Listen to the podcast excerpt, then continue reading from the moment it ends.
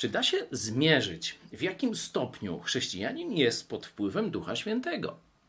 No, ktoś powie, no może jakieś ekstazy, może wypędzanie demonów salcesonem za 100 milionów. Nie, nie, nie, nic z tych rzeczy. Otwórzcie sobie list do Efezjan, 5 rozdział, 15 werset i następne. Tam jest opisana pełnia Ducha Świętego, napełnienie Duchem Świętym, czyli to 100%.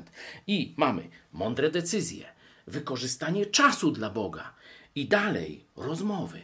Zobaczcie, rozmawiając z sobą przez psalmy, hymny, pieśni duchowe, śpiewając i grając w sercu swoim Panu. Temat rozmów, koncentracja, dalej. Narzekajmy codziennie, dziękując zawsze za wszystko Bogu i Ojcu w imieniu Pana naszego Jezusa Chrystusa i relacje wzajemne, ulegając jedni drugim. Możesz zmierzyć, w jakim stopniu jesteś poddany Duchowi Świętemu.